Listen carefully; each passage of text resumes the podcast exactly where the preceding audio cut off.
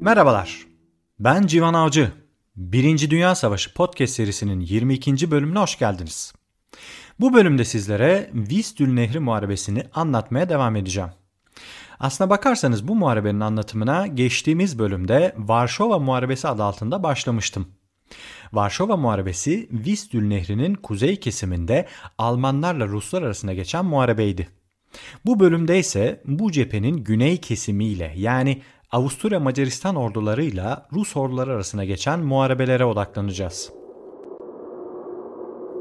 1914 Ekim'inde Karpat Dağları'nın eteklerinde artık soğuyan havayla birlikte yağmurun da yerini yavaş yavaş kara bıraktığı, askerlerin soğukta yaşam mücadelesi vermeye başladığı bu muharebenin detaylarına geçmeden önce geçtiğimiz bölümde neler olmuştu kısaca bir hatırlayalım. Alman ordusu Doğu Prusya'daki başarılarının ardından hem Rusların Polonya'daki ilerleyişini durdurmak hem de kötü durumda olan Avusturya Macaristan ordusuna yardım etmek için dikkatini Doğu cephesinin güneyine vermişti. Alman komutan Ludendorff ve Avusturya Macaristan Genel Kurmay Başkanı Hotzendorf savaşın başından beri ilk defa buluşmuş ve ilerlemekte olan Rusları geri püskürtmek için ortak bir plan hazırlamıştı. Peki bu plan neydi diye hatırlayacak olursak, özetle Alman ordusu Polonya'nın merkezine Varşova'ya doğru ilerleyecek ve bölgede var olduğuna inanılan Rus birliklerini olabildiğince üzerine çekecekti. Bu sayede Avusturya Macaristan'ın Galicia'daki yükü hafifleyecek ve Hotzendorf yapacağı bir taarruzla birkaç hafta önce Ruslara kaptırılan Galicia topraklarını geri alacaktı.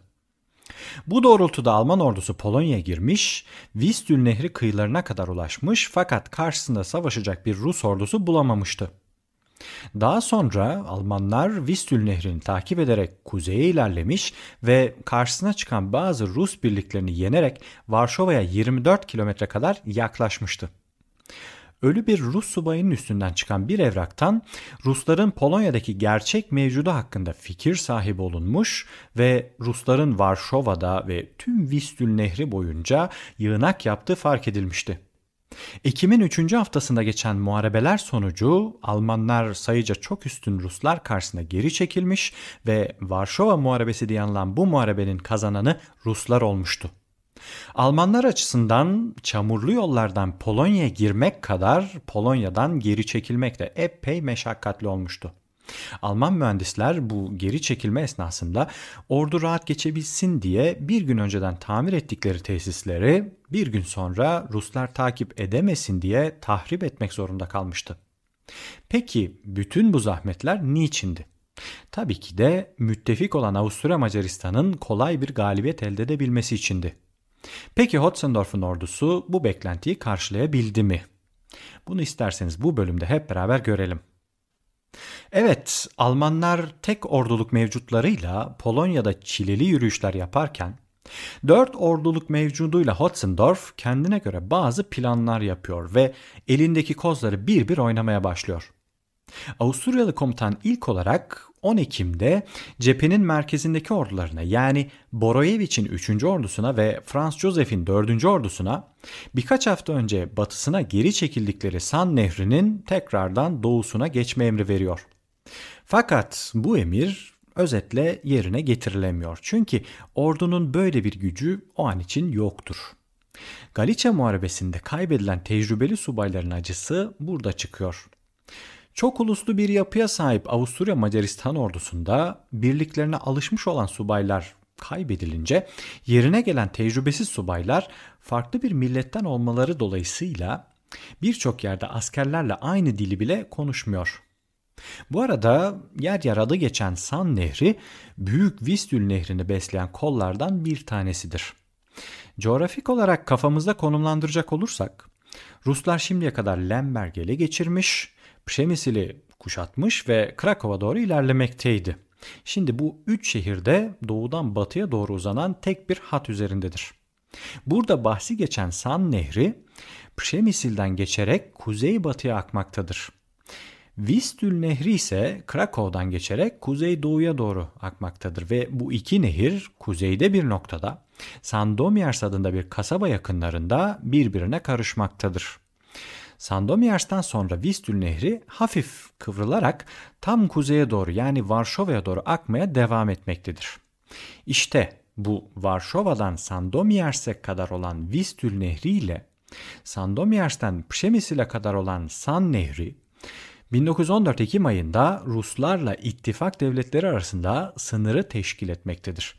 Kısacası iki tarafın da amacı güneyde San Nehri'ni, kuzeyde Vistül Nehri'ni aşmaktır. Avusturyalılar San Nehri'ni aşmayı defalarca denedilerse de kalabalık ordularıyla kolu her yere uzanan Ruslar tarafından geri püskürtülüyor.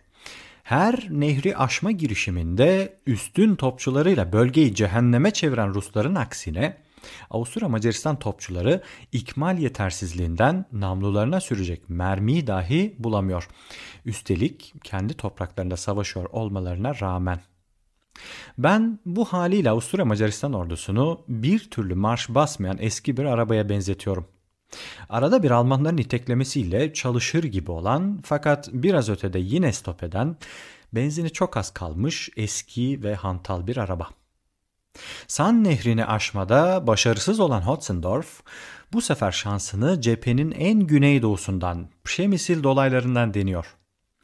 Galicia Muharebesi'ne kaptırılan ve Rusların kuşatmasına terk edilen Przemysil'in kurtarılması ve düşmanın belki de doğudan kuşatılması için Böhm Ermolli'nin ikinci ordusuna taarruz emri veriliyor. Ordusu o Galicia hezimetinden sonra Karpatların eteklerine yapışmış olan Bömer Molly, askerlerinin taarruz edebilecek durumda olmadığını ve böylesi bir hamlenin orduyu daha fazla hırpalatmaktan başka bir işe yaramayacağını dile getiriyor. Bömer Molly burada savaşı sadece haritalardan yönetmeye çalışan Hotzendorf'a gerçekleri dile getiriyor. Bu mıntıkadaki askerler diğer bölgelere nazaran daha yüksek rakımlı bir bölgede konuşlu oldukları için mücadelelerini sadece düşmana karşı değil soğuğa karşı da veriyorlar. Çünkü Ekim ayında her yerde yağmur yağarken Karpatların etekleri çoktan karlarla kaplanmış oluyor. Bu konuda Nila Lipa bölümünden de hatırladığımız Macar süvarisi Pal Kelemen, savaş zamanı tuttuğu o nefis günlüğünde bizlere askerlerin yaşadıkları zorluklara dair çarpıcı bir kesit sunuyor. Dağ geçidinde yıkılmamış tek bir yapı vardı. Küçük bir han. Ana odada bir telgraf kurulmuştu. Süvari kolordusunun kurmayları diğer odada karargah kurmuşlardı. Saat gece 11'de girdim ve an itibariyle hiçbir ilerlemenin olmadığını bildiren raporumu verdim. Sonra birinci kattaki bir döşeye uzandım ve yün yorganımın içine sokuldum. Yıkık haldeki tavandan uluyarak giren rüzgar pencerelerde bir zangırtı kopardı. Dışarısı kapkaranlıktı. İçerideki tek ışık kaynağı titrekçe yanan bir mumdu. Telgraf hiç susmuyor, sabah gerçekleştirilecek olan taarruzun emirlerini aktarıyordu. Giriş holünde ve çatı katında sıra sıra askerler uzanıyordu. Bunlar birliklerinden ayrılan ve yarın sabah geri gönderilecek olan hastalar, hafif yaralılar ve zayıf düşenlerdi. Ben uyur uyanıktım ve bitkindim. Etrafımda birkaç subay daha saman döşeklerde uzanıyordu. Evin biraz yakınında soğuktan donarak titreyen askerler civar köylerden buldukları odunlarla bir ateş yaktılar. Gecenin karanlığında titreyen alevleri gören askerler ateşe doğru üşüşmeye başladılar. Bir çavuş girdi ve adamlarından birisini içeri sokmak için izin istedi. Gelen adamın şuuru neredeyse kaybolmuştu ve muhtemelen dışarıda soğuktan ölecekti. Onu kapının kenarında bir saman döşeğe yatırdılar. İki büklüm olmuş ve kafasını boynun içine çekmişti. Ara ara gözlerinin akını görebiliyordum. Ceketinin birçok yeri kurşunlardan delik deşik olmuştu ve uçları da yer yer yanıktı.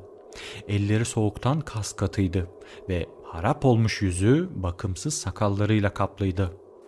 Şafak vakti marş marşla yürüyen askerlerin sesine uyandım. Kafam allak bullak olmuş bir şekilde bu mütevazi yatakhanede etrafıma baktım.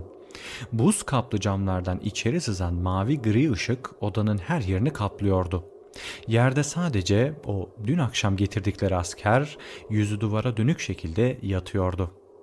Odanın kapısı açıldı ve içeri yaverlerden birisi olan Prens Schönau Kratzfeld girdi. Üstünde pijaması vardı, yeni tıraş olmuştu ve uzun Türk piposunu zaten havasız olan odanın içine üflüyordu. Köşedeki hareketsiz yatan askeri fark etti. Ona doğru yürüdü ve dehşete kapılarak irkildi. Öfkeyle bu cesedin derhal evden çıkartılmasını emretti. Adam muhtemelen koleradan ölmüştü. Sonra yaver kızgın bir şekilde odasına geri çekildi. İki adam içi sıcak suyla doldurulmuş, üstünde aristokratik bir işaret bulunan kauçuk bir küveti yaverin odasından dışarı sürükledi. Süvari subayı Paul Kelemen 12. kolordu. Burada Paul Kelemen Birinci Dünya Savaşı'nda yaşanan zorlukları o kadar güzel resmediyor ki eminim siz de bu trajik sahneden benim kadar etkilenmişsinizdir. Bu tarz hatıratlar bir anda olaya muazzam bir gerçeklik boyutu katıyor. Yani 100 yıl önce olmuş dahi olsa savaşan insanlar yine sizin bizim gibi normal insanlardır. Biz şimdilik dönelim cepheye. Boroyevich'in 3. ordusunun ve Franz Joseph'in 4. ordusunun San nehrini aşamamasından sonra Böhmermolli'nin 2. ordusunun da Pşemisili kurtaramadığı gibi düşmanı doğudan kuşatma girişimleri de çok cılız kalıyor. Ve Avusturya Macaristan ordusu tabiri caizse Galicia'da yerinden kıpırdayamıyor. Fakat Hotzendorf'un elinde son bir kozu daha bulunuyor. Vaktiyle Krasnik zaferini kazanmış olan Dankel'ın birinci ordusu.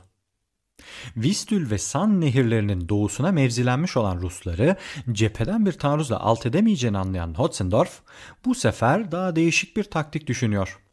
Plana göre Dunkel'ın birlikleri kuzeyde San Nehri'nin Vistül Nehri'ne karıştığı bölgeye doğru yürüyecek ve orada Rus ordusunun Vistül Nehri'ni aşmasını bekleyecektir. Tam Rus ordusu nehri aşmaktayken yani bir nevi savunmasız bir haldeyken Dunkel Ruslara güneyden bir kanat saldırısı gerçekleştirecek ve düşmanı bozguna uğratacaktır. Evet, Hotzendorf yine cüretkar bir planla sahnededir. Düşmana bilerek toprak bırakmak ve sonrasında onu gafil avlamak. Almanlar bu plana hiçbir surette inanmamaktadır. Fakat yapabilecekleri şimdilik hiçbir şey yoktur. Hatırlarsanız bu tarz bir plan daha önce de denenmiş. Lemberg bir tuzak olarak düşmana bırakılmış fakat Rusların ufak bir hamlesiyle plan tamamen ters tepmiş ve tüm ordular 160 kilometre geri çekilmek zorunda kalmıştı. Bakalım Hotzendorf'un planı bu sefer tutacak mı? Sorusunun cevabını isterseniz bir sonraki bölüme bırakalım. Gelecek bölümde Avusturya Macaristan'ın başarısızlıkları Almanların sabrını tüketmeye başlayacak ve Ruslar o silindir yakıştırmasını yaptığımız büyük ordusunu tekrardan harekete geçirecek. Umarım bu bölümden de keyif almışsınızdır. Dinlediğiniz için çok teşekkür ederim. Bir sonraki bölümde görüşmek üzere. Hoşçakalın.